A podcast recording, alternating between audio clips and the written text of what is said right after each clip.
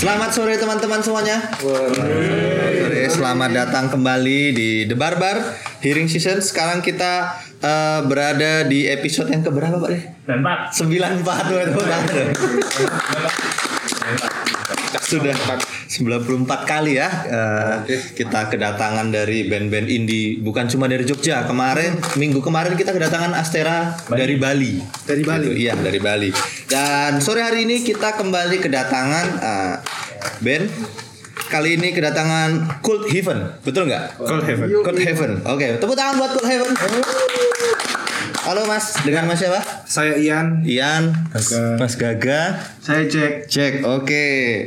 Boleh dong eh, perkenalan dulu. Cold Heaven ini kayaknya project baru ya? Project barunya Mas Gaga atau gimana nih? Ah, ini. boleh, boleh. Dari Silakan. siapa nih? Dari Gaga aja kali. Kasihan Kayaknya gagal nih. Eh, Kalau nama Cold Heaven sendiri kita enggak. Boleh, boleh. Soalnya dia yang bikin nama waktu Harlan itu. Eh Harlan kok. Harus harus nama. Jadi ini kurang satu orang ya? Kurang Iya, satu orang. Karena lagi macul kayak. Lagi mah. Lagi macul. Jadi Cold Heaven itu sih kalau katanya si Harlan ya. Heeh. Itu kan eh, cold dingin. Dingin. Heaven itu artinya adalah tempat perlindungan. Tempat perlindungan Nah, jadi kalau digabung tempat perlindungan yang yang dingin. kita juga kemarin nanya lah. Kulkas. Kulkas apa? Oh, ini beraliran elektronik ya? Ah, mungkin waktu itu dibikinnya lagi panas mungkin. Ah, bisa jadi. Cold Heaven. gitu. Tapi intinya kayak gini, ah, intinya ah, dan mungkin dengan nama Cold Heaven nanti semoga band ini bisa jadi tempat yang nyaman untuk berlindung bagi personil. Amin, amin. Kayak begitu. Begitu. Terus ini kan kayaknya project baru. Hmm, proyek baru Eh, baru merilis single. baru merilis single. Ah. Mas Gaga yang menggagas? Apanya? Yang menggagas Call Heaven ini? Cold Heaven. Enggak sih. Aku malah diajak loh. Oh diajak. Heeh. Apa sih eh, tujuan dari ini Cold Heaven ini? Kan pastinya sudah punya project masing-masing kan? Oke. Nah, apa nih? Sebenarnya itu ini awal mulanya karena aku sama Harlan itu kan satu kerjaan. Oke. waktu satu kerjaan sering nongkrong bareng terus ya udah gimana kalau gimana kalau kita bikin satu buah project Hmm. yang di mana kan kita punya band masing-masing nih Iya. yang di mana eh, model model lagunya genre musiknya mungkin berbeda dari band-band kita Hmm. nah itu waktu itu aku udah sama Harlan itu sekitar 2019 akhir itu udah ketemu dia udah mulai kerja bareng Hmm. terus ya udah kita nyari personel siapa aja sih yang bakal ngisi nah kebetulan aku di keyboard dan Harlan di gitar kan Hmm.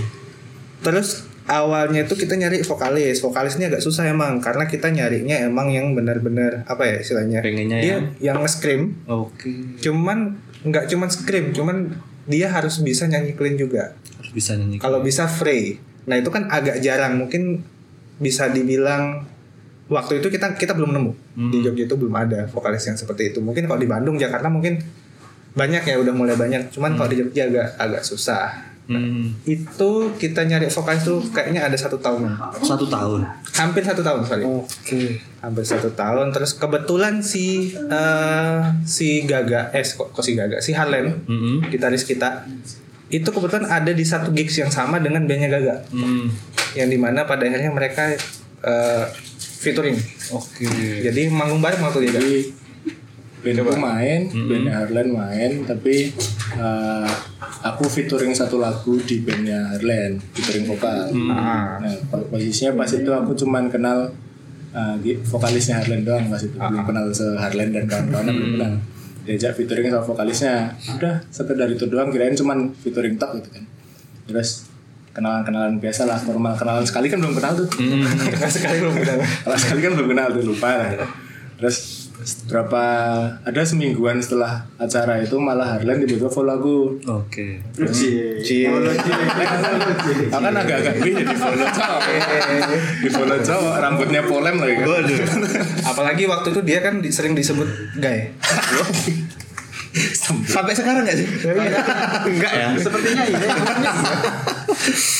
Oke. Habis di follow. Habis di eh, follow. karena eh, profilnya menarik, ku follow back. Tuh kan. Terus habis itu Semakin ter- terbuka kan. Semakin terbuka ya. Itu cuma kedok itu tuh. tiba-tiba tiba-tiba yang DM gitulah DM eh, halo thank you mas eh, udah bantuin kemarin eh, ROC kan Benny Harlan ROC gini-gini terus eh, tiba-tiba ya langsung to the point tuh Harlan tuh ngajak eh, dia bilang ada proyekan sama Mas Ian gitu terus habis itu Emang ngajak kenal Ian siapa? Enggak, enggak. Kenal aku sama itu. Terus habis itu ya tiba-tiba ngajak kita emang ya lagi nyari vokalis. Gimana apa kira-kira mau enggak? Gitu habis itu ketemu Duar. Awalnya tuh Harlan tuh girang Habis featuring tuh dia langsung whatsapp aku Mas mas mas aku nemu vokalis mas Kayak gitu Kayak gitu, kayak gitu eh, ngerti nggak? Eh siapa emang ini namanya gagak bla bla bla Padahalnya habis itu dia diundang studio Oke. Diundang studio terus Set-set ya, langsung ya. Terus waktu awal ketemu tuh kita langsung audisi aja. Oh, Enggak, kita langsung berarti- suruh dia nyanyi. Kan dia awalnya kan gitaris. Iya. ada ada kandidat lain nggak? Kandidat lain nggak ada. Ada. Karena itu itu tadi tahu sih aku ya. Eh, ada sih sebenarnya. ada kan? Kita bongkar semua Pak. Tahu sih ya. Enggak, enggak ada, enggak ada. Soalnya emang susah banget jadi vokalis Hmm. kayak tipenya dia tuh agak susah banget di sini. Kayak ya udah kebetulan nemu ya udah sekalian aja kita suruh dia nyanyi satu lagu, satu dua lagu padahalnya oke langsung Oke. langsung kita ajak aja untuk band-band. Kebetulan Hmm. dia juga emang pengen ya waktu itu ya. Pengen bikin band dengan aliran kayak gitu. Oke. Dan akhirnya resmi terbentuknya tuh kapan Mas ini berarti? Resmi terbentuknya itu Februari apa ya? Februari 2000 Masih, Januari. ini masih belum drama nyari drummer. Oh iya. belum nyari drummer ya. Belum drama Tapi kalau secara ini Cold Heaven terbentuknya set Kalau terbentuk setnya itu berarti setelah berapa? Jack masuk set itu terbentuk. Waktu ada baru nama kan, dia masuk baru kita mencetuskan namanya Cold Heaven. awal awal tahun Awal ini tahun kemarin kayak Februari Februari ya 2022 ya. 2022. Terus akhirnya sekarang sudah merilis single eh, ini udah semuanya di digital ya sampai di YouTube juga ya. Hmm, ada dua, ada ada Sea of Memories sama No Sure. Ada dua ya. Ada dua. Dan buat teman-teman juga yang belum tahu, eh, The Barbar ini juga kita luncurkan juga di Spotify. Podcast The Barbar setiap hari Senin jam 3 sore. Dan kabar baiknya kemarin ya, Iya. di retweet Otong Koil. Otomatis pendengarnya bertambah dua kayaknya. Oke, kita coba dengerin dulu ya. Oh, iya. Single yang paling baru dulu aja Pak ya. Paling baru yang No Yang Sure. No Sure ya. Oke. Sebentar. Sudah ada di YouTube, boleh. Yang No Sure. Ini kan baru rilis, berarti ini rilisnya September kemarin yang No Sure ya. Yap, Terus kalau yang sebelumnya Agustus. Agustus. Kita yang rilis terbaru dulu aja ya. oke No Sure ya. Iya, No Sure.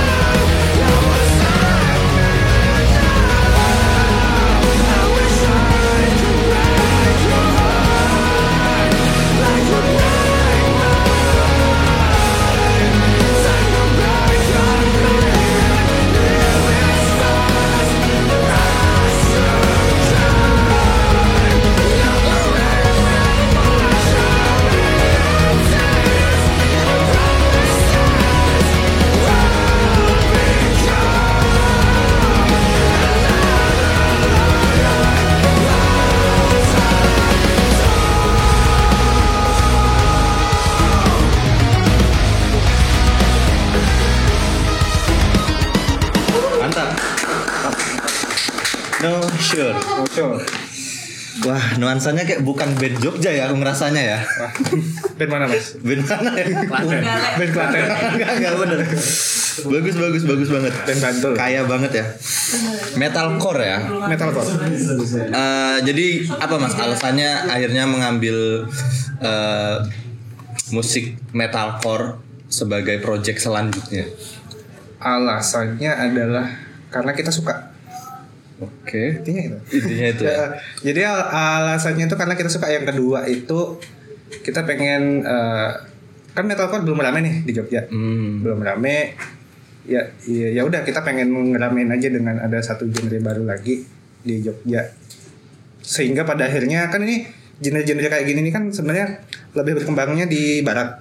Mm-mm. Di Bandung, Jakarta. Cuman ke Jawa bagian tengah ke timur Aku mikirnya barat di Eropa. Ternyata Di Indonesia. Jawa Barat. Kira barat Sleman. Aduh, pulang Progo. nah, tapi di bagian eh, Indonesia Timur, Jawa Timur itu masih agak kurang ya. Udah kita buat aja genre kayak gini gitu. Dan di Indonesia sendiri pun pilihan untuk metalcore sendiri agak jarang gitu ya. Kalau kayak apa? Burger Kill gitu masuk gini gak sih mas? Bukan. Bukan, Bukan ya? Bukan. Eh, sama apa ya? Metal Korea. Kalau Burger Kill dia masuknya adalah apa ya? Death metal mungkin. Metal. Jadi eh, kalau ini kan kayak ada cleannya, Ada terus clean-nya. ada screamnya, Ada scream. Avenged gitu? Avenged bukan? Enggak. Avenged. Band Indonesia? Bukan, bukan. Kayaknya ada juga tuh. ada juga ya? Ada juga. Ada. Band temanku. Oh, bagus. Oh, jadi alasannya karena suka ya? Karena suka, lebih ke karena suka gitu aja intinya. Nah, kita ke Mas Gaga deh.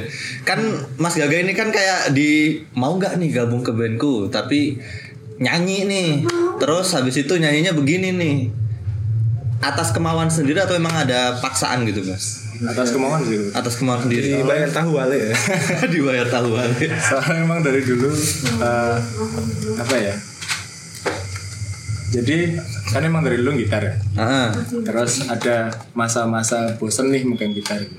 Terus lebih ke pengen ke vokal, improve ke vokal gitu. Terus eh, lagi dengerinnya emang band-band yang kayak gini, yang vokalnya switch switchnya antara clean dan harus, eh, itu lebih banyak gitu loh. oke.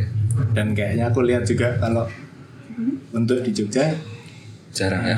ah, jarang Ada nih. nggak sih? Ya, nggak tahu ya. Kalau yang metalnya death metal dan metal metal eh, yang yang agak keras ya, Hmm. itu banyak. Banyak. Ya, Cuman kalau dia memadukan sama vokal ada vokal clean, ada scream, ada fray-nya itu kayaknya belum ada ya. belum ya. aku pernah. Belum ada. Berarti ini kayak warna baru ya. sama soalnya aku sempet bosen main gitar tuh karena di Jogja kan banyak nih teman-teman gitaris nih kayaknya kalau mau jago susah nih banyak yang jago gitu kan cuman kalau misalnya karena untuk vokal yang kayak gini aku belum nemu gitu apalagi band yang vokalnya cuma satu dan bisa clean bisa scream itu dal- untuk dalam satu vokalis ya bukan beda vokalis gitu Hmm. kayaknya ini tantangan baru nih gitu loh menurutku. terus ya aku selama bosan main gitar eh, emang latihan vokal Hmm. terus emang makin pengen punya band kayak gini tapi nggak bisa aku bikin lagu kayak gini kan terus Sempat les di Mbak Berta ya? Seniat itu mas ya. Ya tapi fun fact aku sempet les vokal Oh iya. Nah, karena Karena band ini. eh, karena aku mau bisa vokal yang kayak gini Oh.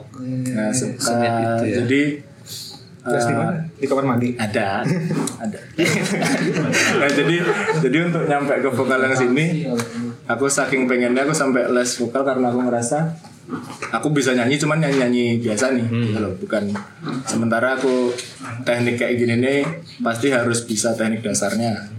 Ya aku nggak tahu kan nyari teknik dasar itu ke siapa gitu. Ya paling bener les vokalnya mending gitu. Akhirnya ketemu ya. Nah, tapi pun itu cuman buat eh, ngelancarin teknik dasar. Jadi Nafas ya. nafas dan lain-lainnya teknik dasar vokal eh, ngeluarin suaranya dari mana gitu-gitu ya penekanan dari mana. Untuk nyari ke screamnya belajar sendiri semuanya Oke, oke. Terus ini kita masuk ke lagunya ya. Ini lagunya siapa yang bikin mas? Kalau musik yang bikin tuh aku Gaga Jack. Oke. Uh, uh, awal bagian musiknya tuh dari aku terus baru eh dari Harlan ya kalau No Show ini dari Harlan baru aku yang bikin bagian surahnya baru kita serahkan ke Jack untuk di take drumnya Oke, jadi Baru- drum dulu ya. Eh, mulai dari gitar dulu mana Dari gitar dulu. mulai dari gitar dulu nah terus baru kita serahkan ke Gaga nah Oh. modelnya itu kalau di sini tuh Core Heaven itu kita bikin musiknya dulu full baru kita kasih ke Gaga untuk dibikin lirik Oh, Seperti itu. berarti liriknya dari Mas Gaga ya. jadi Mas kalau- Gaga fokus apa? Nyanyi doang atau emang gitar juga? Gitar lagi nggak di sini? Enggak. Enggak ya? bukan mic Oke. Berarti lebih bisa lebih konsentrasi ya. iya karena emang pengennya gitu sih kan Oke, ini kan single single yang terakhir nih. Eh, apa yang baru kemarin dirilis September. Proses itu kan cuma selang satu bulan dari single yang pertama ya, Agustus Satu bulan. September. Ini berapa lama proses pembuatannya? proses pembuatannya kalau lagu yang kedua kan cepet ya lebih cepat lebih cepet sekitar satu bulan apa dua bulan kayaknya tuh setelah setelah itu eh, sebulan mungkin sebulan sebulan kita kita bikin bagian musiknya baru habis itu terakhir itu di take drumnya habis itu vokal habis itu langsung dirilis nggak lama Nggak lama ya? seminggu dua minggu Langsung ya. Mm-mm.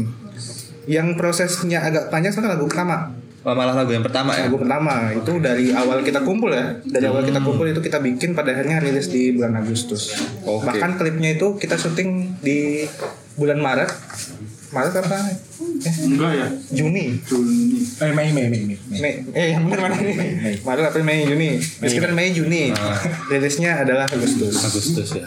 agak lama Agak lama ya. Eh, kita coba dengerin yang single pertama boleh ya? Boleh, boleh, boleh. boleh boleh Single pertama ini Boleh, ini nih. Ibu manajer gimana? Boleh nggak? Boleh. Kenapa pakai Manajer baca surat. Sea of Memories ya. Sebentar Ini adalah single pertama mungkin eh, kita bisa eh, merasakan ada perbedaannya enggak ya? Terus ini dirilis pada tanggal 1 Agustus ya. Our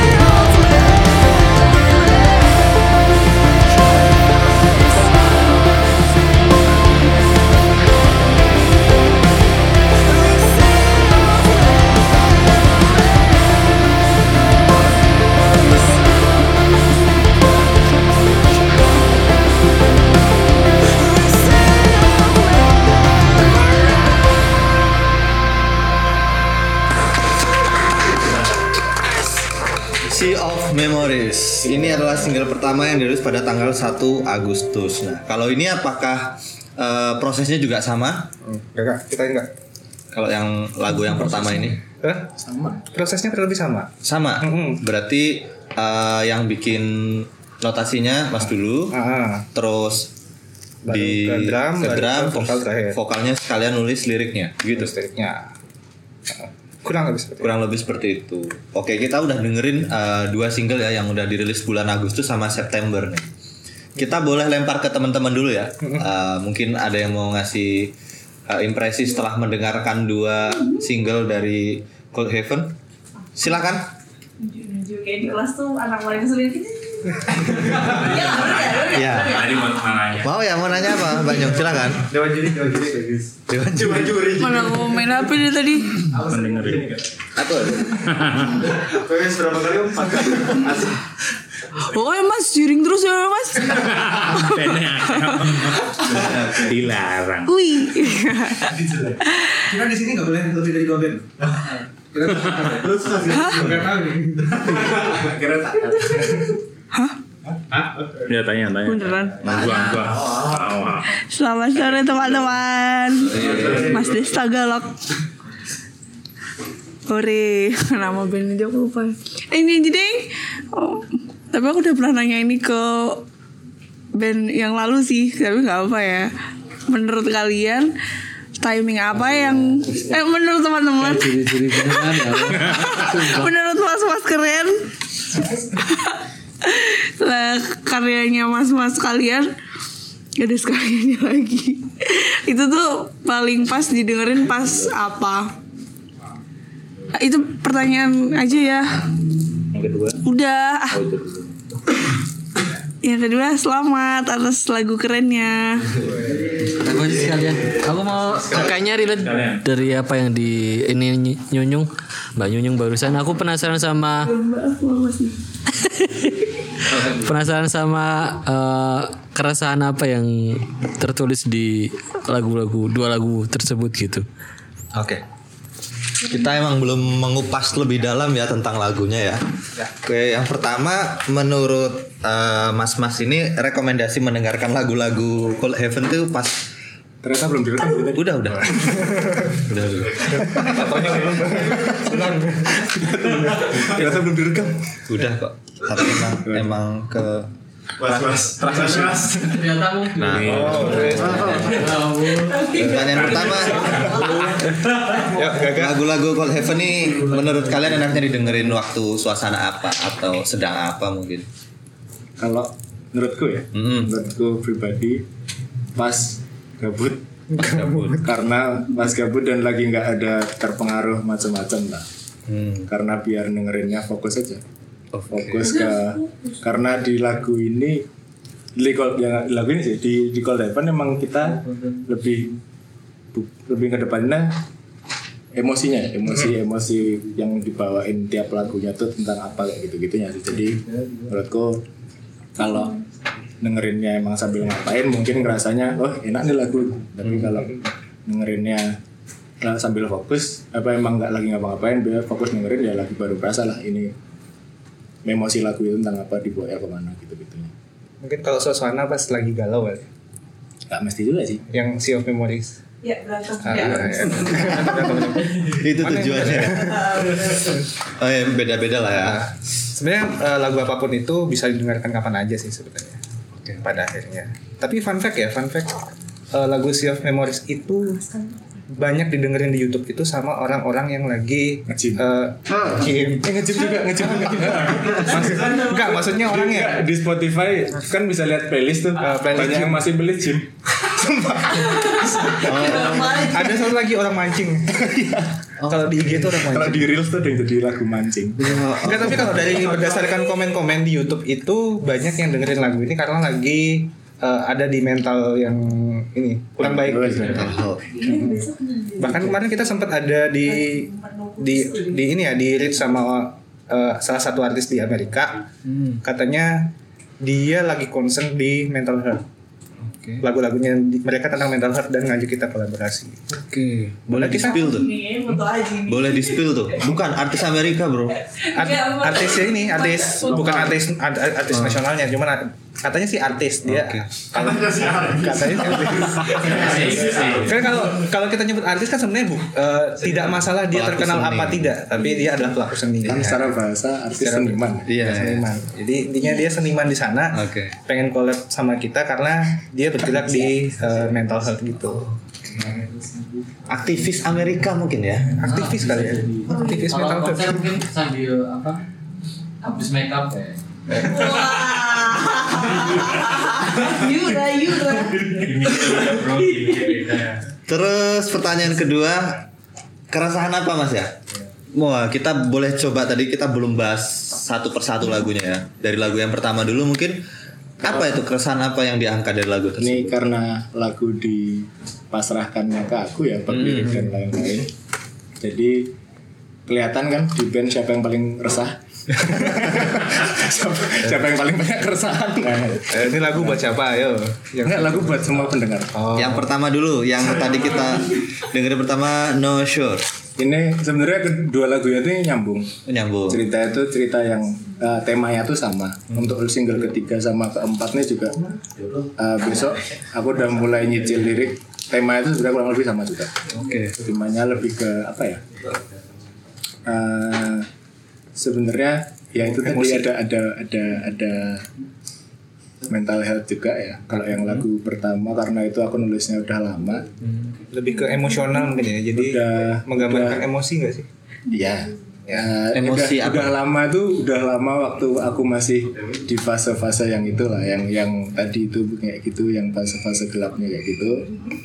Nah, nulis-nulis keresahan tentang apa ya kita di proses pendewasaan kita mesti ada kehilangan ada terus diganti yang baru entah apa pun itu. Terus ya sebenarnya lebih ke eh, di saat itu aku lebih ke keresahan ke tentang diri sendiri. Cuman kenapa dikemasnya kayak gitu? Soalnya gimana ya?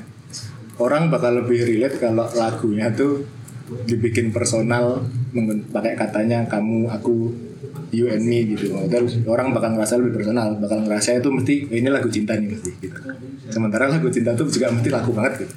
Apalagi yang sedih lagi tambah lagi. Ya. Panas bro.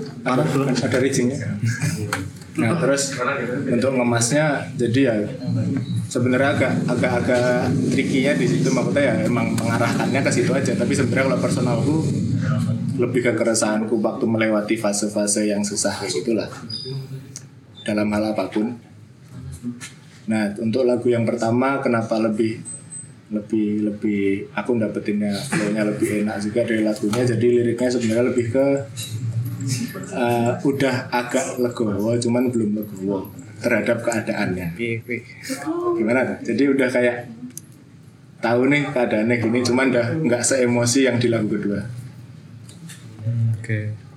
Gimana Mas? Masih ngawang nggak sih maksudnya? Gimana ya jelasinnya susah tuh Lagi 2000, aku mau nanya. Lagi 2000 mau keresahan. Kenzi ya maksudnya Kenzi.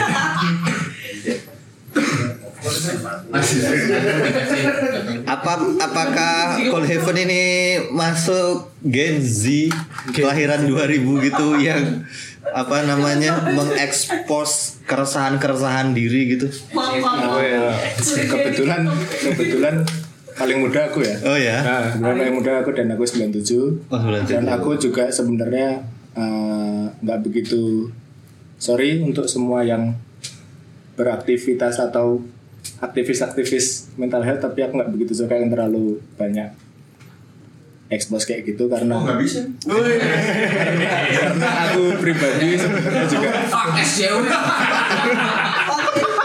wah anjing sensor nih karena Oh iya karena gimana ya? Karena aku pribadi pernah pernah ngelewatin pernah ada di saat-saat kayak gitu gitu loh. Dan saat-saat down ya? Nah dan nggak ini yang ini yang aku yang benar didiagnos kayak gitu ya bukan yang self diagnose kayak anak-anak sekarang ya?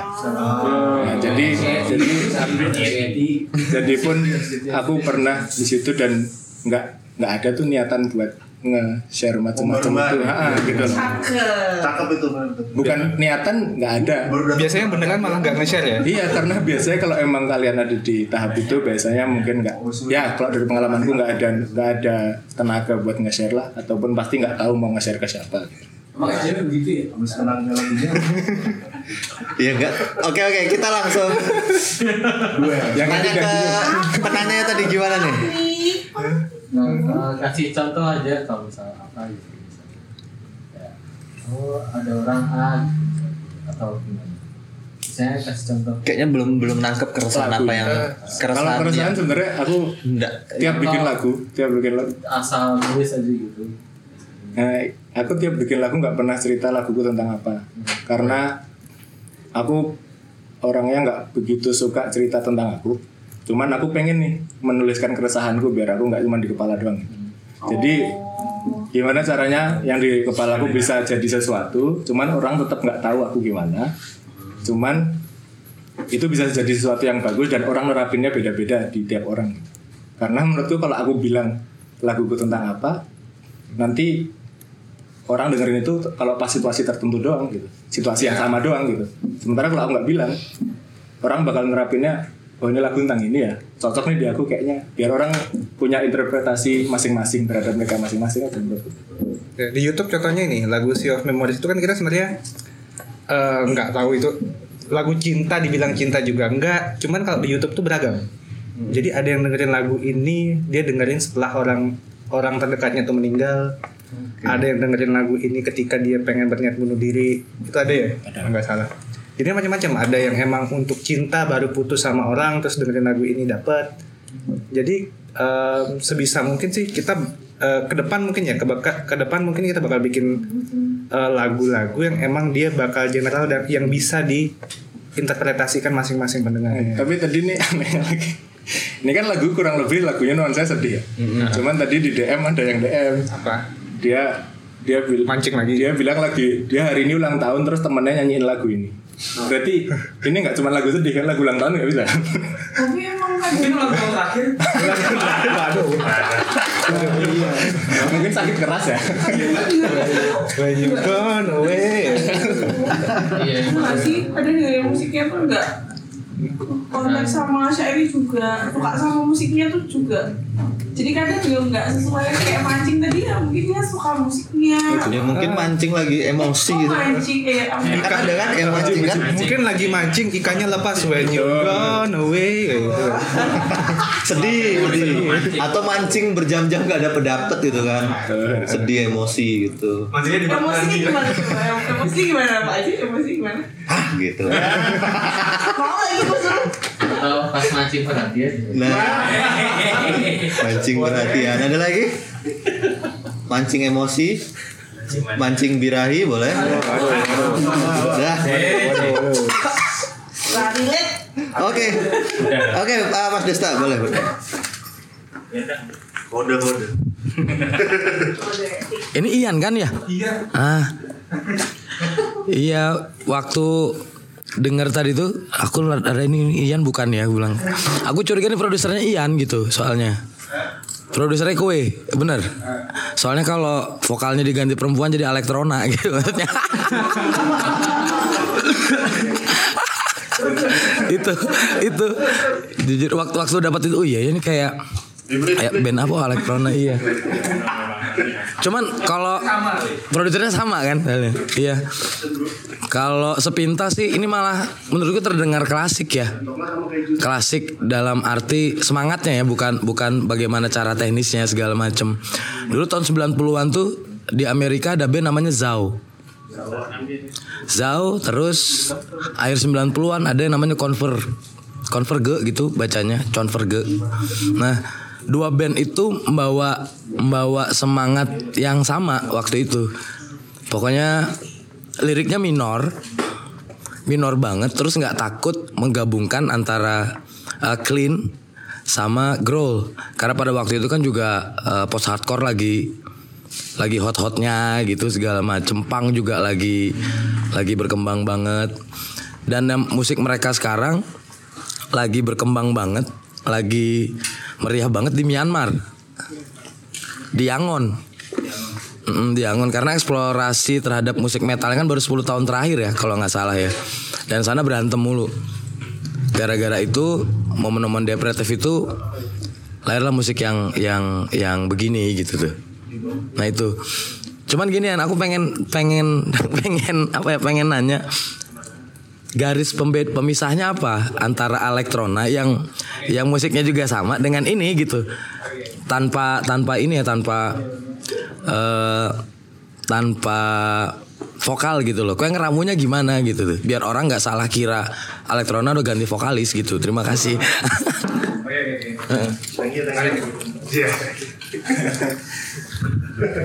Silakan Mas ya. Oke, apa pembedanya? Garis pembeda antara Elektrona dengan Cool Heaven. Tapi sebelumnya Mas saya potong dulu Mas. Oh iya iya boleh boleh. Silakan dibeli kalau mau beli. Ini masa jualan taruh sana siapa yang beli? Iya. Udah lanjut Mas. Garis pembedanya em, sejarah genre beda sebenarnya. Secara genre itu beda. Kalau Elektrona dia eh, lebih ke modern rock, modern rock dengan lirik yang eh, lebih mengarah ke eh, apa ya? Aktivis-aktivis. Jadi eh, ada pesan-pesan yang disampaikan kalau di Elektrona gitu. Eh, kalau dari segi lirikal seperti itu kita lebih ke kayak lagu-lagunya tentang emosional. Kalau di elektrona itu lebih tentang isu-isu yang berada di sekitar kita terus kita angkat jadi lagu. Terus kalau dari segi musik yang hal paling dasar yang membedakan adalah pertama genre tadi yang tak sebutkan, yang kedua adalah isiannya. Walaupun eh, mungkin Layarnya sama, layarnya ya. layernya ada sedikit berbeda. Kalau di elektrona itu mungkin dia lebih ke elektronik banget. Ada arpeggiator, ada ada lain-lainnya. Kalau di Cold Heaven aku lebih mainannya adalah ambience. Oh, Dengan nuansa piano, dengan nuansa pads yang lebih kental. Jadi kita nggak aku nggak mainan scene yang segahar di elektrona gitu. Kalau di yang tajam itu enggak. Malah kalau di sini aku lebih malah kayak memeluk, memegang semua instrumennya. Nah, seperti itu. Terus eh, kita dari segi tune juga eh, lebih low, low tune. Kalau di elektronik kan kita pakai gitar eh, 6 senar ya, yang di mana dia basicnya mungkin di drop C paling rendah. Kalau di kita itu sampai ke eh, ya 7 7 senar sampai di tune G crash. Gis. Kurang lebih seperti itu. Jadi eh, mungkin batasannya dah di situ gitu. Kalau energik energik mungkin lebih di elektrona ya. Kalau di kita lebih ke yang kayak emotionally seperti itu. Mungkin nggak itu tiba-tiba bawa Ajeng ke sini gitu atau bawa bawa Gaga ke sana gitu. Em, Kira-kira gimana ya musiknya? ya? kalau Ajeng mungkin tidak enggak. Kalau masuk ke Cold Heaven mungkin kurang masuk ya. Tapi kalau kemarin sebenarnya di projectnya Kak Elektrona terakhir itu ada suara gaga sebenarnya. Oh ya. Cuman ngelayer di belakang itu itu adalah faktanya ada seperti itu. Jadi di lagu Elektrona satu lagu terakhir itu kita membutuhkan ada suara cowok. Ya udah kita minta gaga yang lagu cinta itu ya. lagu cinta itu betul. Kurang lebih batasannya seperti itu. Oke. Eh, mungkin kita dengerin sekali lagi ya. Eh, lagu single yang paling terakhir. Yang? To to to sure. No sure. No sure. No sure. Ini kan eh, apa teman-teman mungkin tadi ada yang belum mendengarkan, jadi mungkin biar lebih relate aja kita ngobrolnya ya. Oke. Thank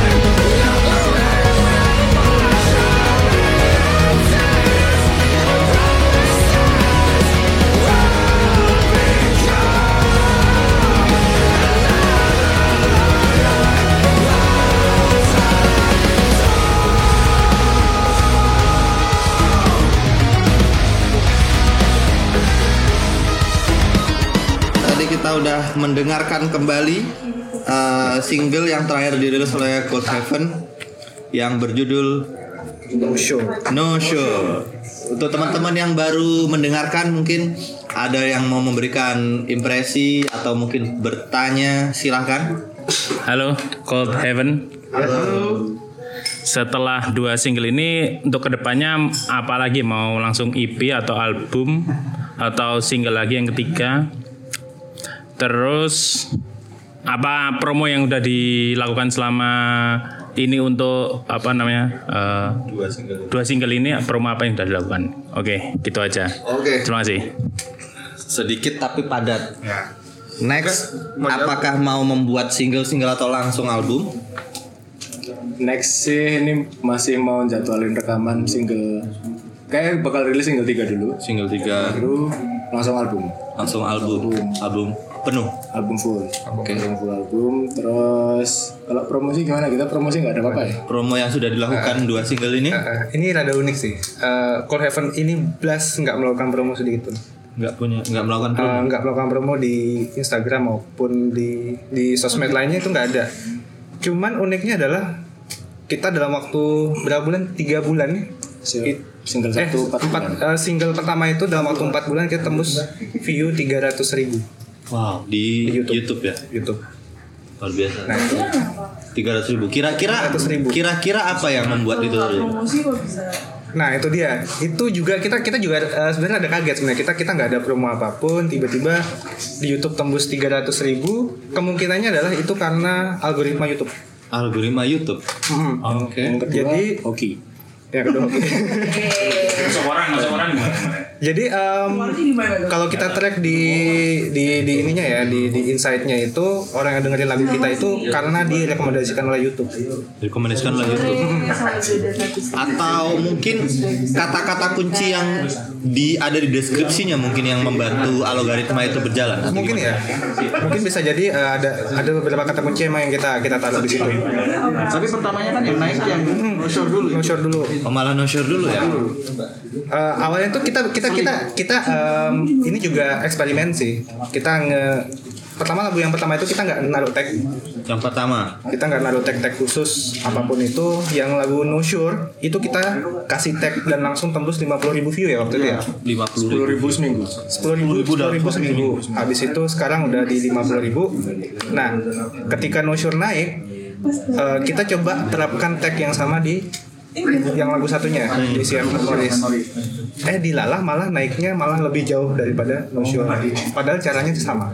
Apa tag yang mungkin bisa dikasih tahu? Apa tag yang digunakan Cold Heaven di jadi kisi-kisi Awal. kisi-kisi kan beda kan lagunya kan beda Eh, apa ya, lebih ke genre sih metalcore terus modern metal oh iya terus ada beberapa band yang emang relate sama kita yang kita taruh oh dimasukin situ juga oke jadi itu malah YouTube yang merekomendasikan ya Oh, jadi orang misalnya orang orang A nih lagi dengerin band yang ada di tag kita. Hmm. Nanti kemungkinan kita akan direkomendasikan lah YouTube untuk mendengarkan selanjutnya lagu kita seperti itu. Tapi nggak tahu ya kalau ini rilis terus orang YouTube dengerin mungkin diganti lagi ya. Iya kan? Orang YouTube dengerin kayak gini terus waduh ketahuan. Tapi malah gini. kita nih. Ganti lah nih. Bisa gitu. Tapi malah kalau kan kita di tagnya itu kita malah nulis band lain tapi rekomendasinya dari band lain kok. Hmm, Tapi se setipe gitu. setipe ya oke. Gimana Pak De apakah terjawab? Sukses. sukses. Oh ya yang kemarin masuk koran kok bisa. kalau kemarin masuk koran kenapa? Koran. Yang apa tuh? aduh masuk koran keluarnya gimana katanya. Yang apa nih? Yang Tribun Brilio?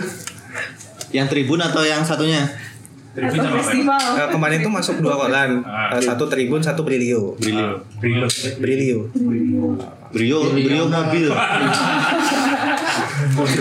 Nggak macam ada efeknya nggak masuk surat kabar gitu biasanya kan banyak. Sebenarnya kalau efek ke pendengar atau view-nya itu nggak ngefek sebenarnya. Cuman eh, itu lebih ngefek ke pride, pride-nya kita kita sendiri gitu. Ketika sebuah ma- masuk sebuah koran, pride kita nambah dan orang ngelihat kita tuh jadi level levelnya lebih tinggi. Cuman kalau ngaruh nggak ke ke pendengar atau ke view nggak. oke Kan dia nggak ngelewatin. Istilahnya kalau udah masuk koran, uh diakui. Seperti itu. Oke, yang lainnya boleh dong eh, bertanya. Aa mau nanya? Boleh, boleh, boleh. Silakan. Sini sini sini. Tuh satu berdua. Assalamualaikum teman-teman Cold Heaven. Mau nanya ke mas vokalisnya saya mah. Iya sih. Kalau disuruh milih nih, disuruh milih banget nih, manggung sama hari sama, milih Doni Fatso, Mary Jo atau Cold Heaven. Itu yang pertama. Ah iya, Harmonia ya, Harmonia sama Harmonia empat. Itu. Terus. Oh iya ya, apa aja mas bandnya mas? Pongki Baraka. Heeh. Wih. Oh, udah nggak jadi nanya lah. Pasti pilih yang sana lah. Iyalah. Pakai ditanya. Pakai ditanya. Sa sam- ya. yang kedua kenapa nggak sambil main gitar di sini gak? Gitu aja sih udah. Pegel, pegel. Silakan. Mas Gaga dulu ya. Kalau Mas Jack udah jelas ya milih Pongki sama Guyon Waton ya. Nanti kita selesaikan di belakang ya. aman aman. Kalau kalau apa Doni Fatso, Harmonia, Mary Jo sama ini hari yang sama. jamnya sama. Jamnya sama. Ah, ayo, fotonya bagus bener. Ah, milihnya tergantung panggungnya ya. tergantung panggungnya ditawarinnya kalau misalnya panggungnya emang yang ini lebih proper aku yang ini Sama tergantung waktu ya. Eh? Tergantung waktu. jelas tapi eh, untuk saat ini ke depan sebenarnya kalau ada tawaran ini aku lebih mau manggung ini dulu soalnya belum pernah Jadi- dan di satu sisi capek gitar Iya Oh tadi kenapa memilih tidak memegang gitar? Itu capek gitar. Capek gitar. kecuali additional ya. Soalnya aku berapa kali ya kemarin kayak Astera kemarin kan aku additional gitu. Tapi kan kalau additional kan tahu sendiri lah ya. Disu- disupport kan. Jadi ya oke lah. Kalau di additional kalau untuk band sendiri agak lagi bosan Oke oke. Oke oke. Ini kucing siapa ini? Kucingnya sini, ini Bukan jawaban dari Nah itu jawabannya mas. Ini dari Pongki. aduh beda skala ya Aduh. Sosokan nih. Gak apa-apa. Gantung waktunya. Tergantung waktunya. Oke. Kita tadi belum bahas Mas Jack ya. Dia Oh kan iya, adalah kepingan terakhir yang kalian ambil. ya. Mas Jack sendiri kenapa mau Mas bergabung dengan Padahal udah Pongki. Udah Sebenarnya kan ini eh, termasuk sebelum aku ikut session player itu sebenarnya aku juga punya band yang hampir sama. Hampir sama. Jadi ini mungkin mengingatkan apa Apa bandnya dulu? masa lalu. username-nya itu Apa username-nya? Dulu bandku namanya Mon Rever. Oh mantap itu. Awas. gitu jadi kan nah, ya hampir-hampir mirip gitu terus ditawarin Ian tuh film lah ya wes Ayo. waktu itu kan pas lo Rock-rockan lagi gitu. ya gitu. tapi sebenarnya jujur kan karena nuansanya ya aku aku bilang gitu kayak aku kok kesel ya nek apa double perdalan lagi enggak kok ini metalnya ya ini ini gitu ya udah akhirnya aku Oke, begitu? Apakah terjawab, Mas? Kalau Mas Ian elektrona manggung bareng. Oke. sama aja. Pertanyaannya sama ya. Silakan Mas. Pecah belah. Mau pecah belah Aduh. Acara ini kan tujuannya Tergantung eh, apa aja? Sama jawabannya tergantung waktu eh, tergantung yang duluan ja- jadwal ya. Oh iya. Tergantung jadwal yang duluan masuk yang Jangan mana. bilang kalau jadwalnya da- bareng semua, nggak mungkin. Nggak mungkin. Gak mungkin kan eh, langsung hari yang sama detik yang sama dealnya sama gitu. Iya, Tergantung jadwal. Kalau Danuja sama Kombat Comeback bareng milih yang mana? Milih sholat aja di rumah. Sholat istighfar. Istilah bener Udah kelar konsernya bro. Oke. Itu pertanyaan jebakannya sudah selesai ya. Selesai ya. Oke, yang lainnya boleh bertanya silakan. Haris mungkin sudah mendengarkan lagunya tadi. Keren. Ah, Chandon udah dengar lagunya baru. Mas Gilang mungkin. Teman-teman yang di belakang mungkin ada yang mau nanya? Ateng-ateng. Biasanya banyak nanya tim. Nah itu buzzer kita mas. Oh itu buzzernya. Buzzer kita. Ini nggak ada yang nanya lagi nih. Tim promosi. Penasaran tadi sama ini eh, kayaknya yang pas YouTube tuh tag artis atau gimana? Yang tag tagan artisnya tuh apa aja gitu? Oh, tekan artisnya apa aja? Misalnya Oh. ternyata ngatmu bilung misalnya. Em, jadi kan kalau di YouTube tuh ada hashtag, ada tag. Kalau hashtag itu yang kelihatan di caption. Kalau tag itu kita taruhnya emang waktu ngupload. Jadi bentuknya emang itu nggak kelihatan. Nggak kelihatan. Yang aku taruh di situ lah band-band yang relate sama kita. Contohnya adalah buka-bukaan aja ya di sini ya. Ada Dayseeker, ada Arsitek. Kalau nggak salah itu. Ada Band Omen, Spirit Box. Spirit Box. Empat band ini. Cuman ternyata di Insight itu eh, yang datang ke kita malah bukan bukan tag dari empat band ini, tapi malah ada yang dari dari kayak Prevail, terus ada yang dari yang sejen yang segenre lah. Yang segenre eh, malah bukan dari arsitek bukan dari spirit box malah. Cuman itu mungkin eh, buat ini ya buat penanda algoritma YouTube bahwa kalau kamu muter lagu ini kamu bakal disarankan lagu yang ini. Oh iya.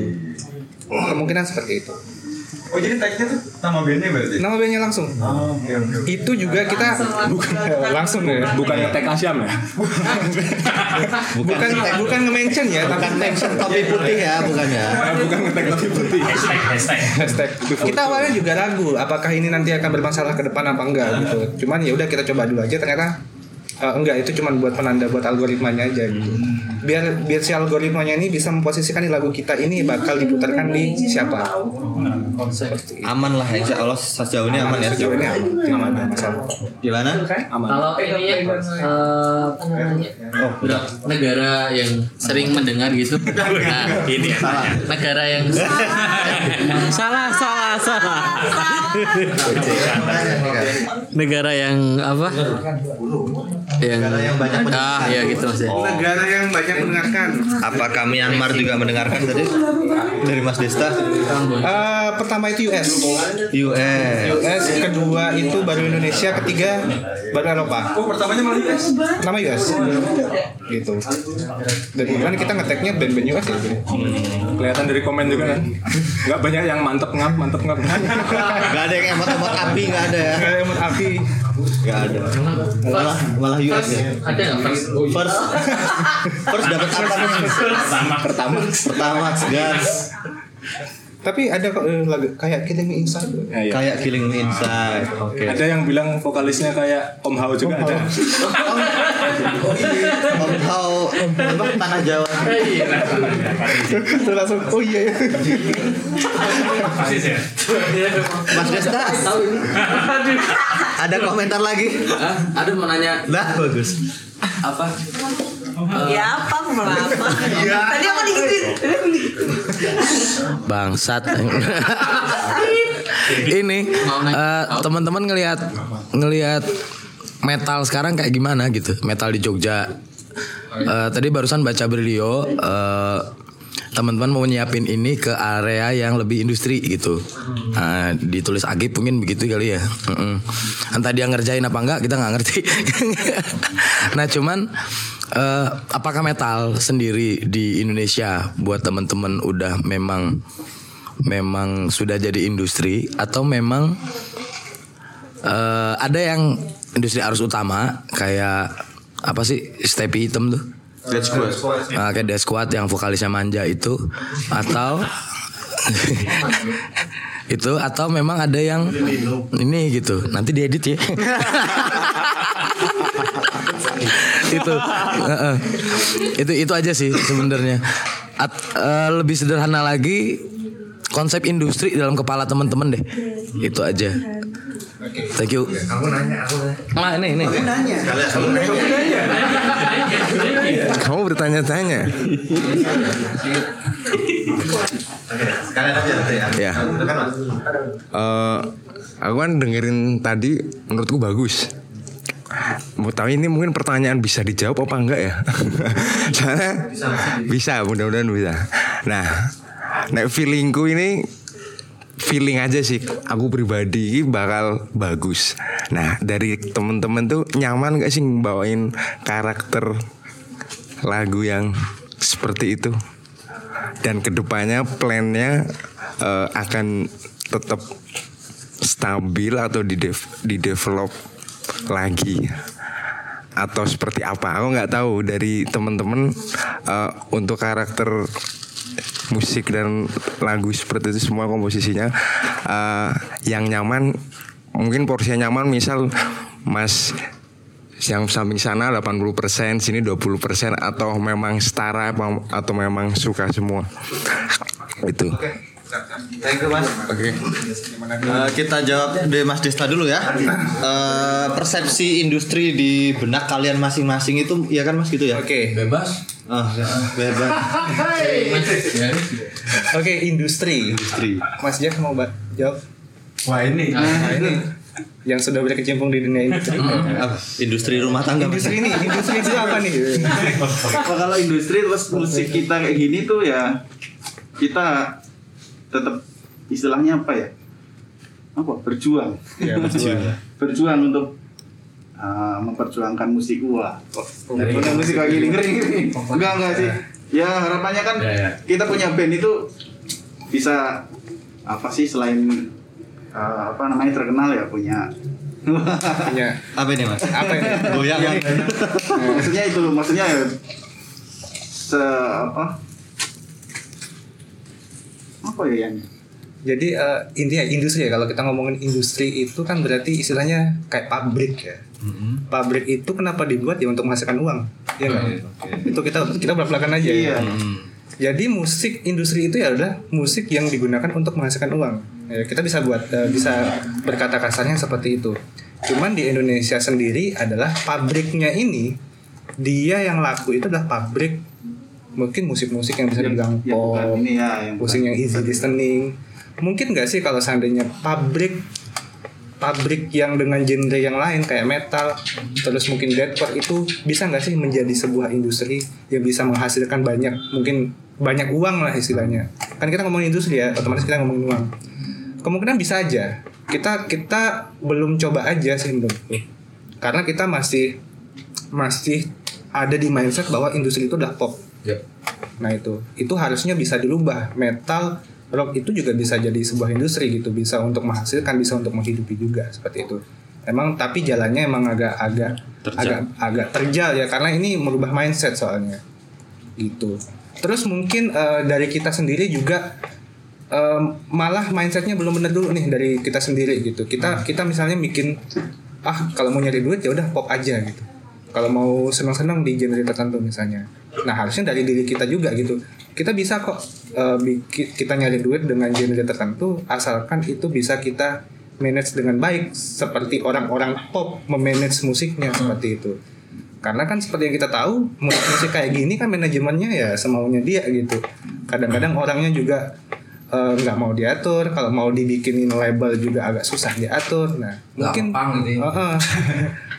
Pang pun sebenarnya bisa bisa jadi sebuah industri asalkan itu bisa dirapikan gitu. Manajemennya terus model distribusinya dan lain-lain gitu.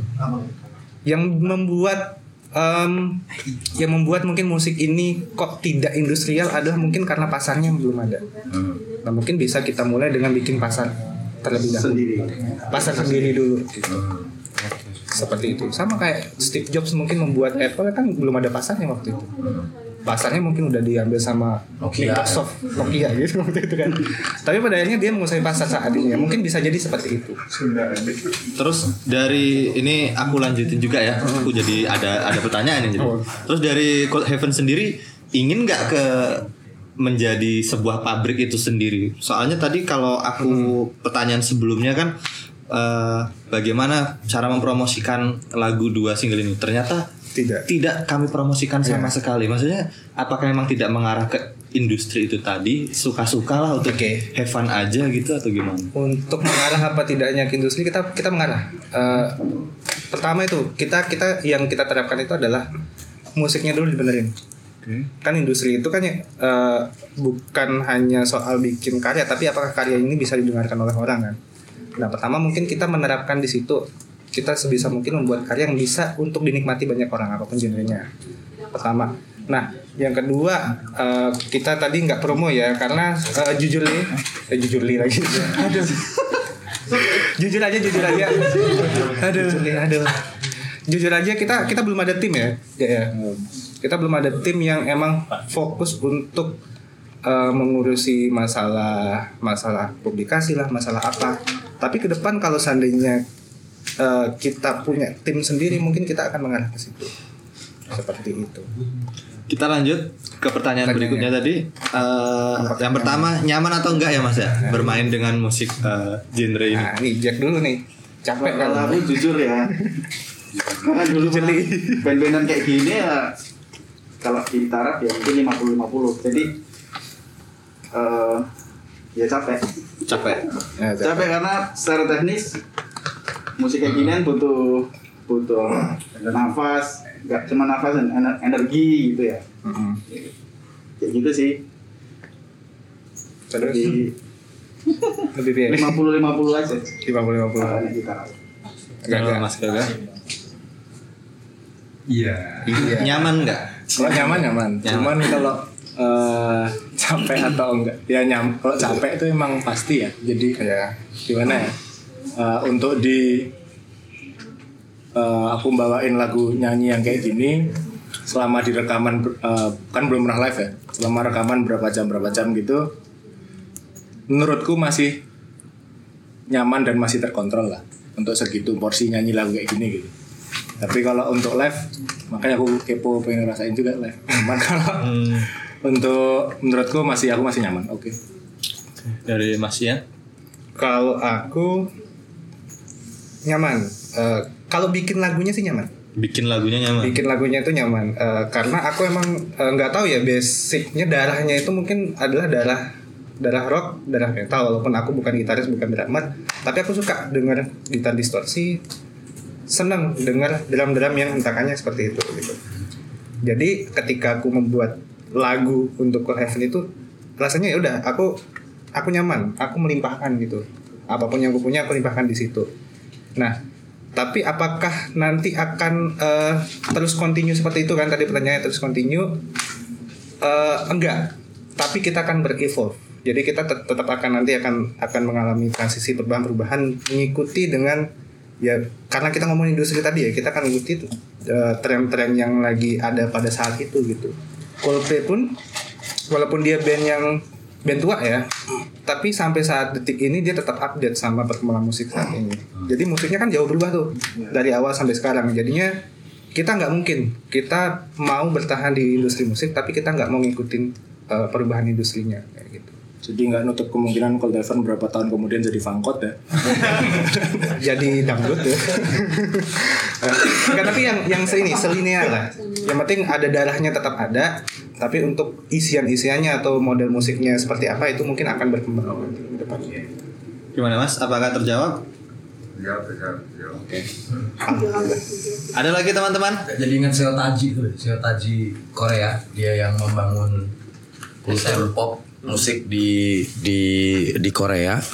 Jadi dia tidak mau benar-benar tidak mau terikat dengan genre atau preferensi atau referensi dia. Dia hanya mau terikat dengan pasar.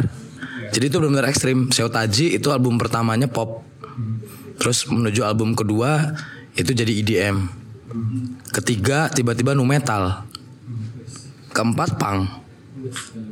Itu jadi tiap album yang dia keluarkan tuh ngikutin apa yang lagi rame di Jepang malahan pada waktu itu. Mm-mm.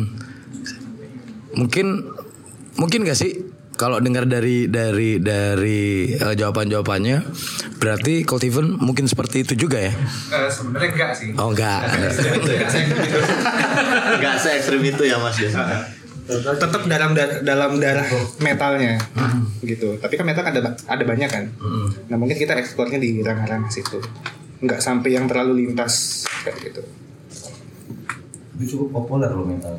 Sampai ke Indomaret. Eh, Eh, emang ya? Sampai metal. Wah, Merawat total. Mau ke mana Mas ya? Apa? Mau ke mana? Beli sama Oke teman-teman juga eh, yang tadi bertanya kemudian tadi memberikan tanggapan akan ada kans untuk mendapatkan door prize. Oke. Kita punya beberapa door prize di sini ada kukili cookies, kemudian ada dari kebun roti, kemudian ini juga ada dari lawas pantas, banyak ya yang sudah mensupport acara pada sore sampai malam hari ini. Kita buka satu penanya lagi terakhir, silahkan.